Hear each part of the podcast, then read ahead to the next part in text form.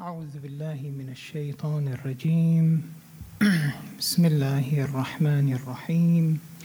والصلاة والسلام على أشرف الأنبياء والمرسلين حبيب إله العالمين بالقاسم محمد. صل فرجهم وفرجنا بهم يا كريم.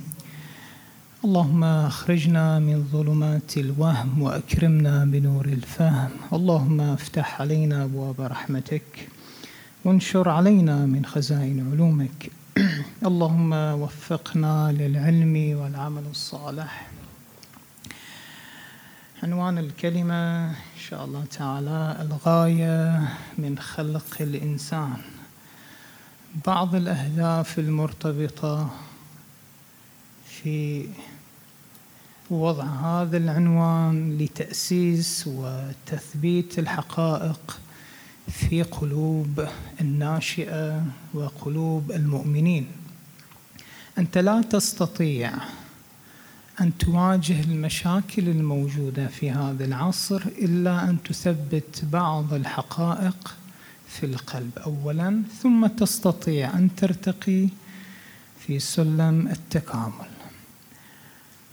إحنا ان شاء الله تعالى سنتعرض إلى تفسير بعض الآيات المرتبطة بالغاية المرجوة من خلق الإنسان.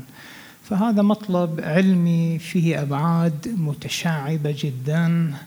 فيه ثمار عملية إن شاء الله تعالى نوفق معكم لطرحها وتأسيس بعض الأسس الأساسية في التكامل الإنساني.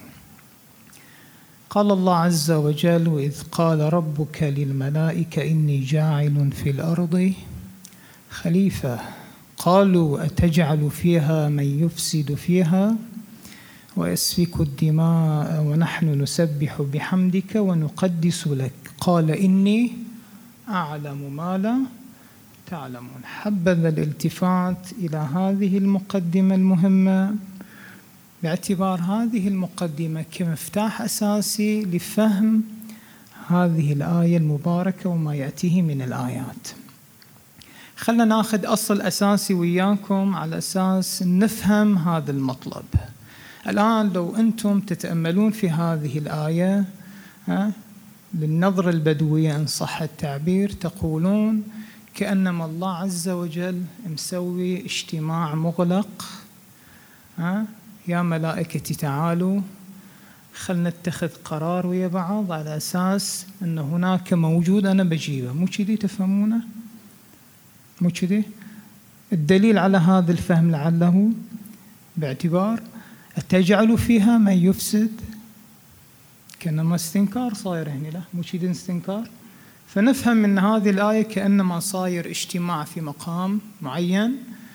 الله يريد أن يشاور الملائكة يشوف رأيهم. تقبلون هذا الكلام؟ تقبلون؟ أنتوا أخذوها الآن. تقبلون؟ خلي بينك وبين نفسك. قبل الجواب على هذا الإشكال نؤسس قاعدة لكي نفهم هذه الآيات الكريمات. يقولون في محله أن العوالم ثلاثة عوالم على نحو الكلية. عوالم الوجود ثلاثة عوالم. طبعا لما نقول ثلاثة على نحو الكلية باعتبار كل عالم فيه مراتب. كل عالم فيه سلم مختلف. واضح لا؟ العالم الأول عالم المادة. عالم المادة ما هي أحكام هذه النشأة؟ ما هي أحكامه؟ سؤال. أحكامه الزمان المكان الحيز التغير ها؟ المادة الفوقية التحتية يمين يسار مو كذي؟ تقعد في مكان تقوم مكانك يصير شنو؟ فراغ مو كذي؟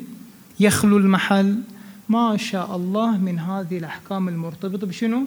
بعالم المادة. هذا عالم المادة. شوي خلينا نروح إلى العالم الآخر وهو عالم البرزخ باصطلاحهم عالم المثال. يعني شنو عالم المثال؟ عالم هذا العالم ما في مادة. لما نقول مادة يعني هذا. ما في مادة. فيه آثار المادة. من الطول والعرض وما شابه ذلك. خل أقرب إليك الفكرة أكثر. أنت لما تنام وتحلم شفت روحك شلون؟ أنت في حيز في مكان ما شاء الله تنتقل ها؟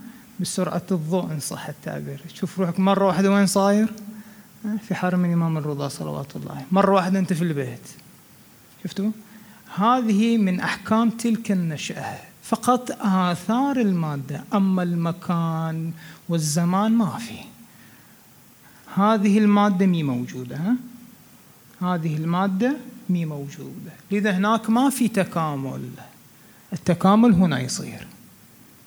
التكامل هنا. أما هناك لا ما في تكامل. باعتبار ما في مادة. يساعدك أن تتكامل. هذا كحكم من أحكام ذلك العالم. ما شاء الله من الأحكام الموجودة أخرى. خلي شوي نروح وين؟ أعمق من هذا العالم. وهو عالم الملائكة.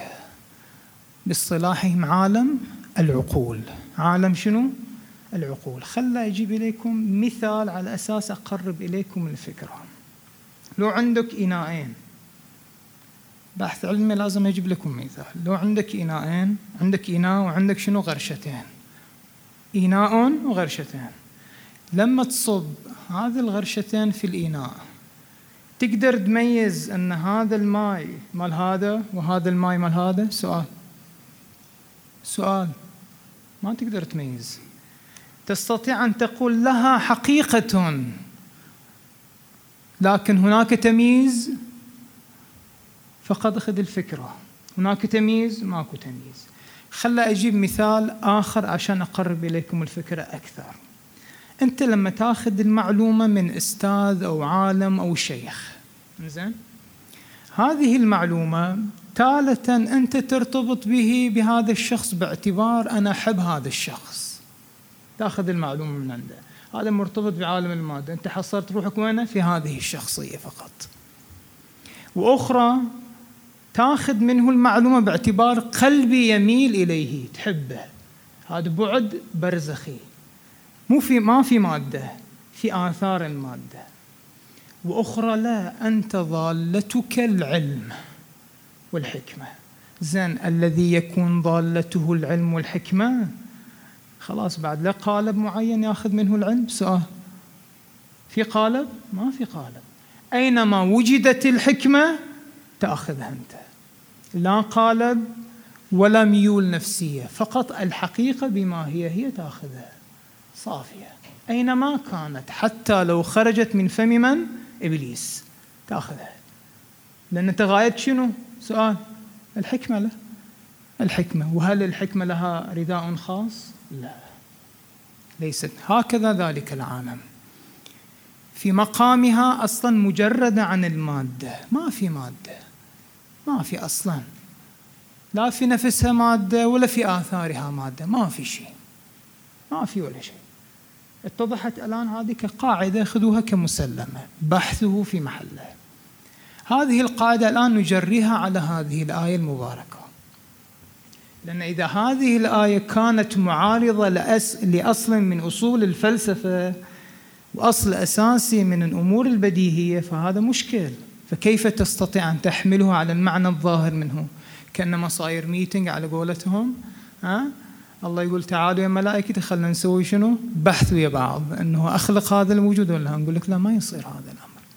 وفق هذا العوالم الثلاثة عالم الملائكة في مادة؟ سؤال. في مكان في زمان في حيز ما في ولا شيء. فإذا ما كان ما كان هذا الأمر موجود أصلا. شفتوا؟ النظرة البدوية تشوفها كذي هي. لكن ليست هي هكذا. إنزين شيخنا كيف نرد على الإشكال الموجود يقول أتجعل فيها كأنما استنكار صاير؟ نقول لكم معاله هذا بنعالجه بعدين لما نجيب الآية الأخرى. واضح؟ إذا علينا أن نجري أحكام كل عالم في عالمه الخاص. إحنا هاي مشكلتنا. مشكلتنا نجري أحكام المادة وين نخليها؟ في أحكام البرزخ. أو نجريها في عالم الملكوت عند الله عز وجل. هالسوالف ما في. هذا خطير جدا. إذا ذهبت إلى تلك النشأة وأنت على هذه الحالة لن تطلب إلها إلا إلها ماديا. هناك ما تحصل إله, ما إله مادي. مو الله هذا اللي تطلب أنت. خدانيست على قولتهم. هذا أنت رسمته. هذا يسمونه الشرك الخفي. خطير جدا المسألة مي سهلة. إذا ذهبت إلى تلك النشأة وعندك أنت آثار المادة وأصبحت هذه الآثار ثابتة في قلبك فصعب هناك. كلما تطلب ما تحصل. ما تحصل. ما تحصل. تحصل؟ خل أجيب إليكم مثال على أساس تعرفون شلون. مو استهزاء بهذه المهنة الشريفة. الخباز. خباز. ها؟ مهنته شنو؟ ها؟ مخبوزات وما شابه ذلك. زين إذا هذه المهنة أصبحت جزء من كيانة لما يروح هناك وش بيطلب؟ وش بيطلب؟ خمير خبز وانتهى الموضوع. هناك بيحصل سؤال. ما إحنا قلنا ما في مادة. في مادة هناك؟ ما في مادة. بيحصل؟ فيتألم ولا لا؟ يتألم من هالقبيل. كلما رسمت إلها وهميا في ذهنك ستطلبه هناك. وهذا الإله الوهمي أنت رسمته في قلبك. هذا خطير جدا. كل ما تقول يا الله لأن تخليت في قالب. لا إحنا قلنا لك لازم ما تخلي في قالب. ما تخلي في قالب. عالم الملائكة وعالم ذات المقدسة ما في هالسوالف هناك ما في. ما في. ما في أصلا. الآن هو مطلب إحنا بالأمثلة قاعد نقرب والحال أنه مطلب أعمق من ذلك. إذا الآن اتضحت الفكرة الآن وعليه نفسر هذه الآية بهذه الطريقة. أولا لا يوجد هناك اجتماع. الله عز وجل إله له العلم والإرادة والقدرة. أحد يقدر ينازع إرادة الله عز وجل؟ بحيث أنه يقول يا ملائكتي تعالوا خلا تعالوا خلا أشاوركم. بخلق إنسان ما في هالسوالف كل هذه الأمور ما حصلت بهذه الطريقة. إذن ليش الله خاطبنا في هذه الآية بهذه الطريقة؟ لتقريب الفكرة لا أكثر. إحنا شلون بنفهم؟ شلون نفهم؟ نفهم؟ فقربه في صورة شنو؟ ها؟ كأنما أمر اجتماعي. إحنا كذي لا. اجتماع لرؤساء الماتم. اجتماع شنو؟ لمؤسسة الفلانية. من هالقبيل. قرب الفكرة هكذا لا أكثر. ولا تجري أحكام المادة إلى أحكام ذلك العالم. فاتضحت الفكرة أنه ما صار لا ميتينج ولا هم يحزنون. فقط هي إرادة إلهية لا أكثر. يريد أن يوضح أني سأخلق وجودا هذا الوجود له خاصية معينة. لا أكثر. لا أكثر. ما في. في هذه الخاصية. والملائكة لها شنو؟ خاصية معينة لا أكثر. انتهى الموضوع. لا تقول لي أكلوا من هذا. لا تجيبون الإشكالات الموجودة في هذه الآية بالروايات الموجودة الآن. لكن الروايات في محله البحث فيه. لأن المتبادر الآن موجود كذي. المركوز في الأذهان عند البعض لعلهم هكذا. هل وش نسوي هناك كان في نخلة كان ما أدري. أبونا آدم أكل وأكل. هالسوالف الحين خلوها في محلها هذا. لا نجري أحكام المادة إلى أحكام ذلك العالم. هذا مهم جدا. على أساس لا تختلط عليه شنو؟ المعلومات. وأخرج بنتاج سلبي. قالوا أتجعل فيها من يفسد فيها ويسفك الدماء ونحن نسبح بحمدك ونقدس لك. الآن ما المراد من معنى الخليفة؟ وش المراد من الخليفة؟ يقولون الخلافة قيام شيء مكان شيء آخر. واحد يقوم مقامي أنا باب المثال مو كذي؟ لما المدير يروح يجي نائب المدير. طبعا هذا النائب لازم يكون عنده استعدادات لتحمل الإدارة. كذا الإنسان.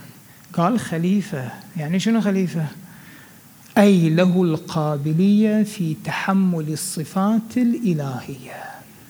الملائكة ما عندهم هذه القابلية. بيتضح لنا أبو بشوية.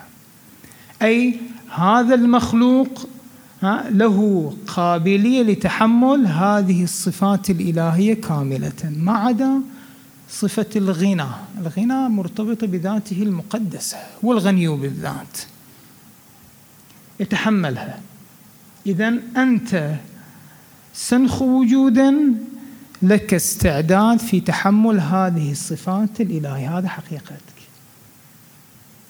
هذه حقيقتك. حقيقة مو شيء آخر اللي يروجون إليكم. اتباع الأهواء والشهوات والأكل والنوم والطبخ والأفلام والمسلسلات و وما شاء الله. هاي مو حقيقتك. هذا مو كمالك.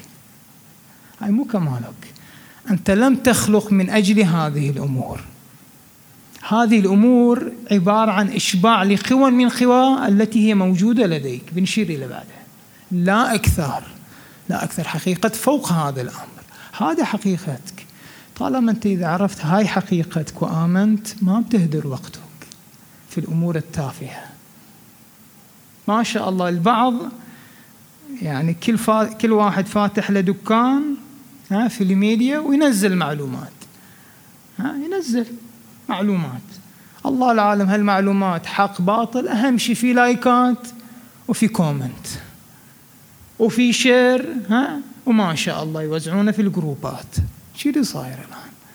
خلنا نسأل هذه المعلومات حقا أم باطلة؟ تشوف مثلا يسوون حركة معينة تعال تشوف ال view ماله. مليون view. على شنو؟ واحد يعطس. يضحكون عليه. وما شاء الله ال comment من هنا لبيتنا إحنا. comment عليه شنو؟ أنا ما أدري. واحد عطس. واحد طاح. عرفتوا لا؟ كيف نهدر طاقاتنا في أمور جدا بائسة. أنا ما ما خلقت من أجل هذه الأمور. خلقت من أجل أمر آخر أصلا للتكامل. اذا أنت الخليفة لك القابلية في تحمل هذه الصفات الإلهية. قالوا أتجعل فيها؟ فهمت الملائكة أن الإنسان سنخو وجودا. إذا نزل إلى هذا العالم وهذا عالم مادة هؤلاء لهم علم أيضا. وهذا العالم المادة فيه تزاعم تزاحم تصادم ها؟ حروب قتل فكلامهم صح.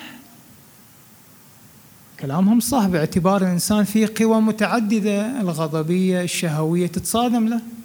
الغضب على شنو يصير في المباريات؟ شيء بالشيء يذكر. اینقدر داد میزنن سه خدا داد نمیزنن.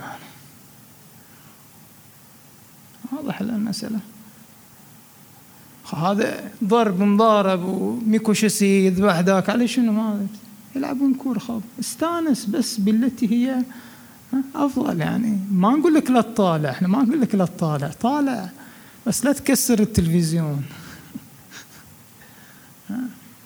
لا تحط فيه سكين طالع خوشال باش انتهى الموضوع يعني خلاص. بردن بردن باختن باختن انتهى الموضوع. خو لعب هذا 24 نفر هستن دنبال توپ هستن. خب ما خوشحال هستیم. انتهى الموضوع. انتهى الموضوع. فأكثر من هذا يسمونه إفراط له. إفراط له هذا خطأ. طالع استانس انتهى الموضوع. انتهى الموضوع. أكثر من هذا ما له داعي أكثر من هذا ما له داعي إذا هذه هذه الوجودات الإلهية الملائكة عرفت هذا الأمر فكلامهم حق. كلامهم حق. باعتبار هذه وجودات منزهة عن هذه الأمور ما عندها القتل والبطش. منزه هي وجودات تسبح بحمد الله وتقدس له. واضح لا؟ فهي وجودات سنخ وجودا طاهرة جدا طاهرة. أما الإنسان سنخ وجودا فيه تضاد. فيه شنو؟ تضاد. مو كذي؟ فيه تضاد. لولا التضاد لما ارتقيت وأصبحت خليفة لله عز وجل. ما تصير. الملائكة عندهم هذه الشغلة؟ سؤال. ما عندهم. لغتهم التقديس لا أكثر. التقديس لا أكثر.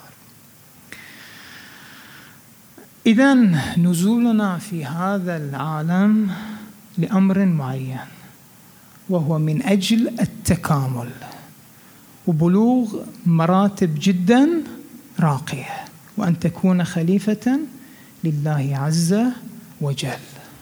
فقط هاي حقيقتك. وكل القوى التي هي موجودة لديك ما شاء الله من القوى من آلات خارجية في عالم المادة وأدوات باطنية موجودة عندك. العقل الوهم الخيال المتخيلة. ما شاء الله من هذه القوى عندك. مملكة متكاملة. من أجل شنو؟ من أجل أن تصل إلى الكمال والغاية المرجوة من خلقتك. أن تكون خليفة لله عز وجل. لا أكثر. لا أكثر. هاي حقيقتك. هذه حقيقتك. وعلم آدم الأسماء كلها. الحين لا تروحون هذه الأسماء وين كانت شنو هس. موجود عندكم الآن. ها؟ موجودة عندكم أهل البيت وغيره. هدوا هذه الأمور. إحنا نتحدث عن أساسيات في البين لا أكثر. لا تجيبون لي روايات الآن. لا تجيبوا لي روايات. وعلم آدم الأسماء كلها ثم عرضهم على الملائكة. فقال أنبئوني بأسماء هؤلاء أيها الملائكة إن كنتم شنو؟ صادقين. مو كذي؟ إن كنتم صادقين أنبئوني بهذه الأسماء.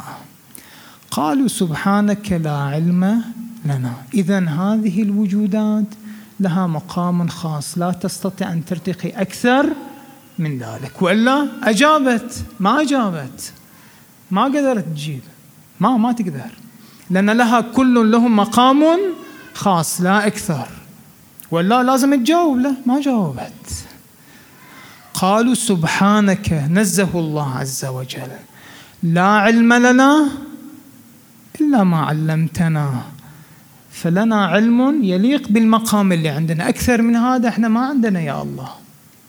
وش عللوا بعدين؟ إنك أنت العليم الحكيم. إنك يقولون مشعر بالعلية. يعني شنو مشعر بالعلية؟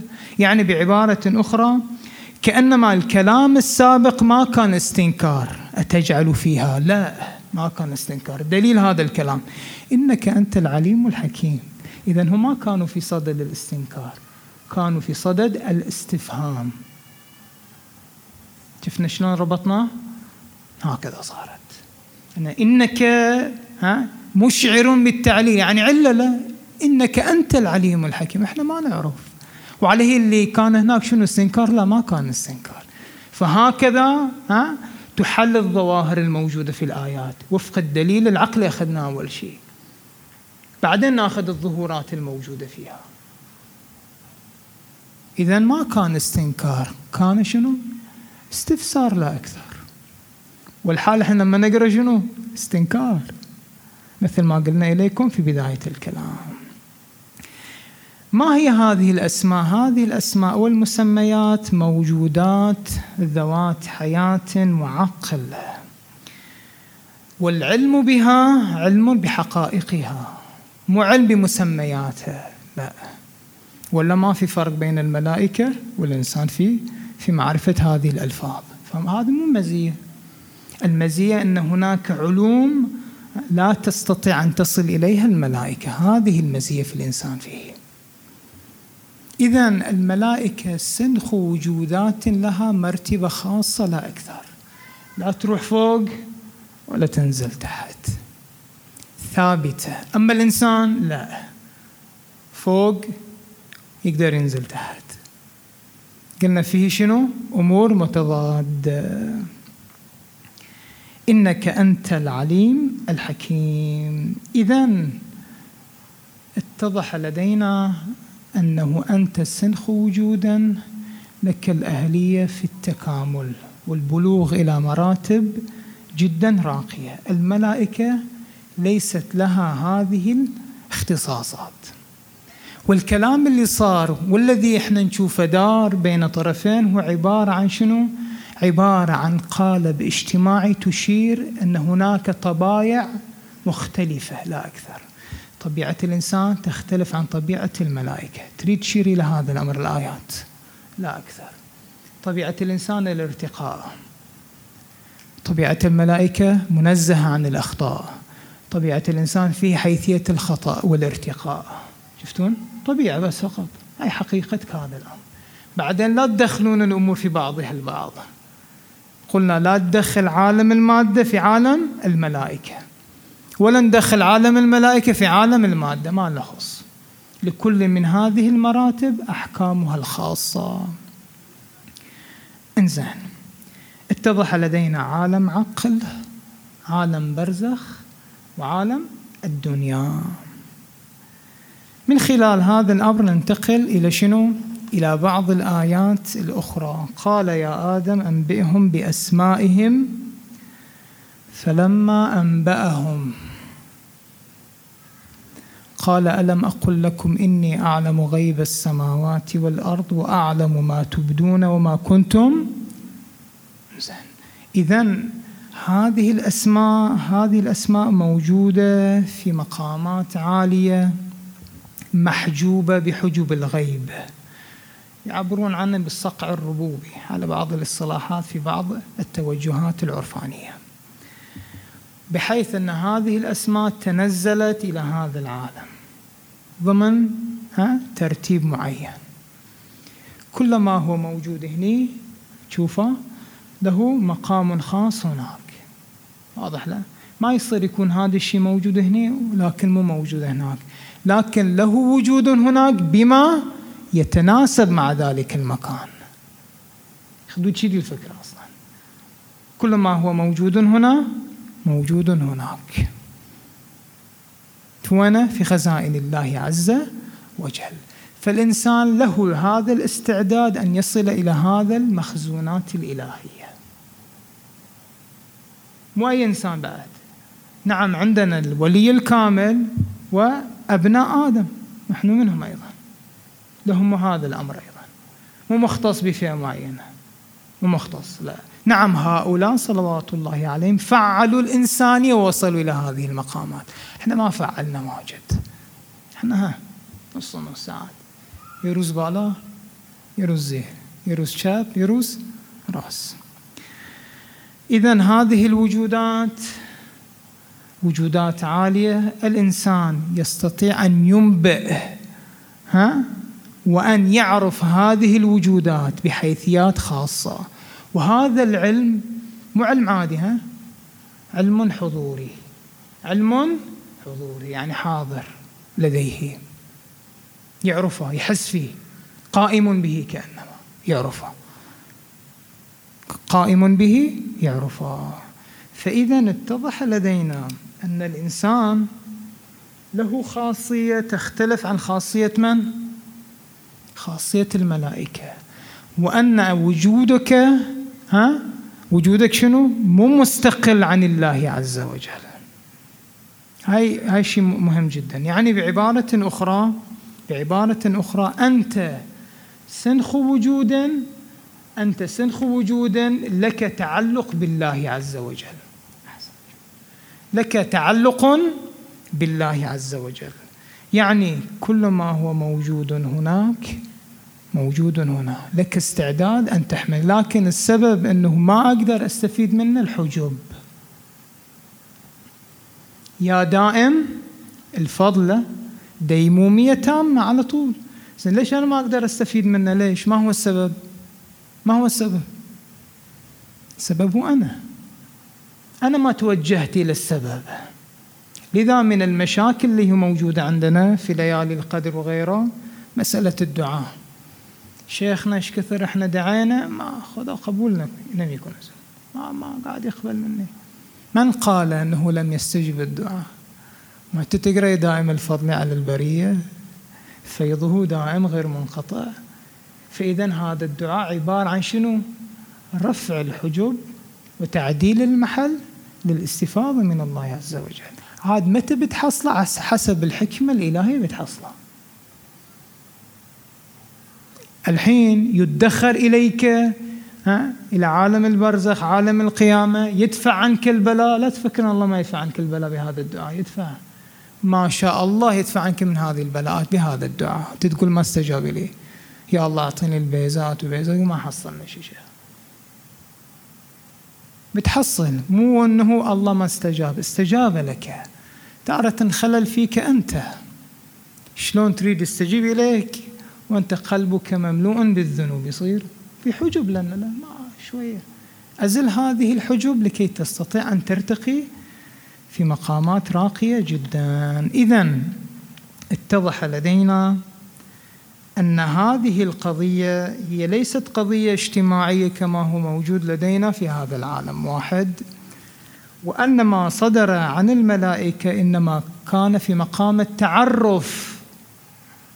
لا في مقام الاستنكار. الأمر الثالث الآن اتضح لدينا معنى أو كلام اللي أشرنا فيه بداية موضوع الكلمة غاية خلقة الإنسان. شنو هي الآن؟ غاية خلق الإنسان هي الاستخلاف.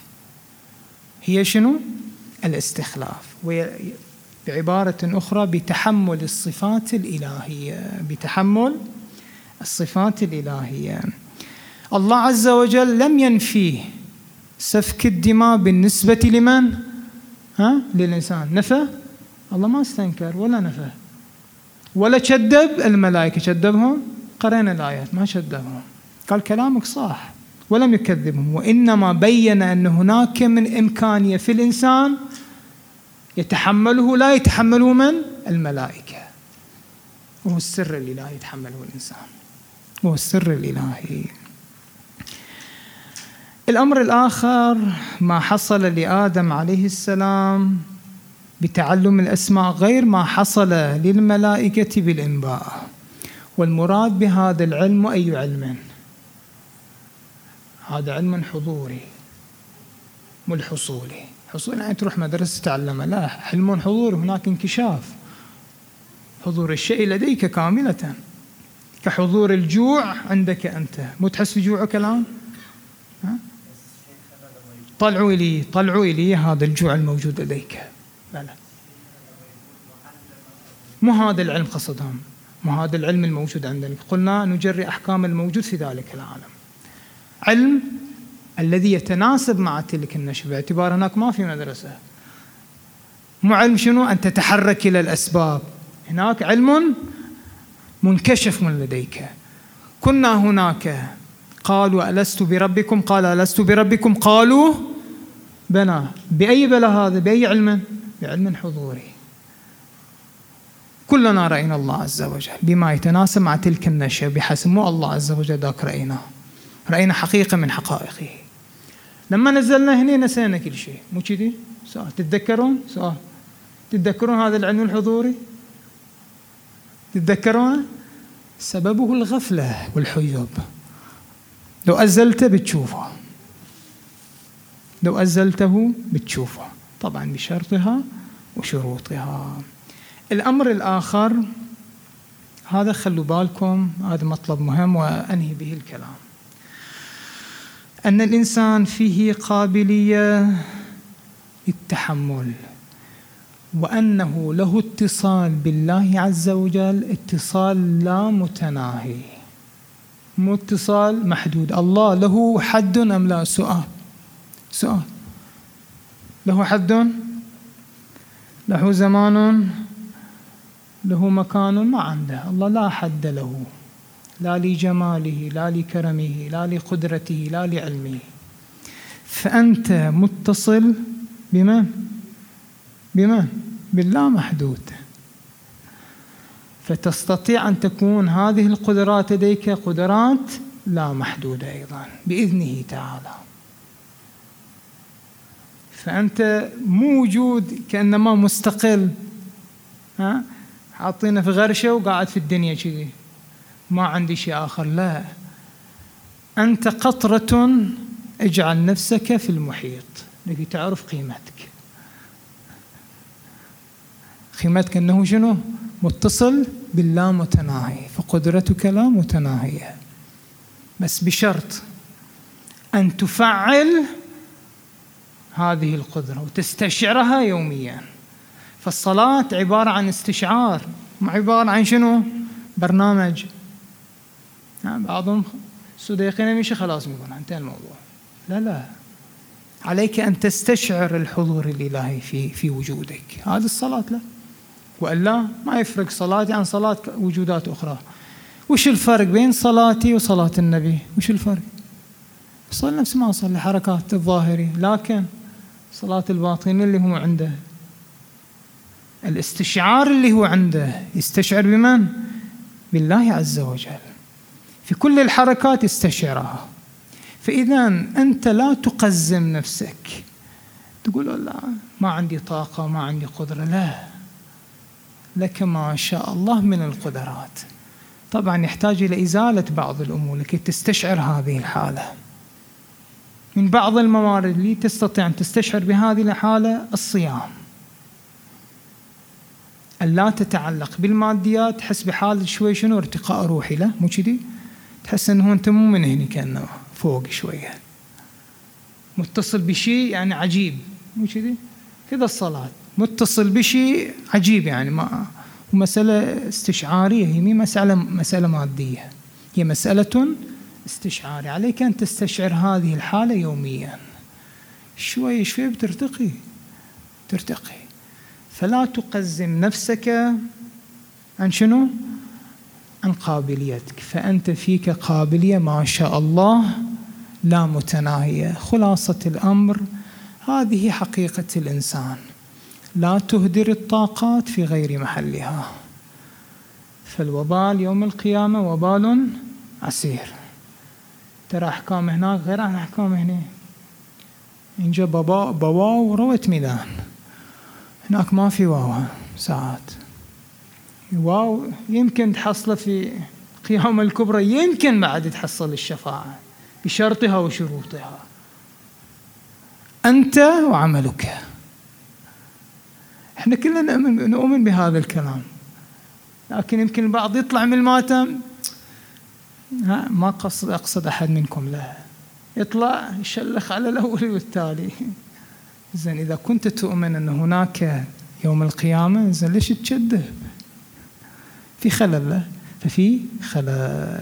سبحان ربك رب العزة عما تصفون وسلام على المرسلين والحمد لله رب العالمين. وصل يا ربي على محمد وآل بيته الطيبين الطاهرين.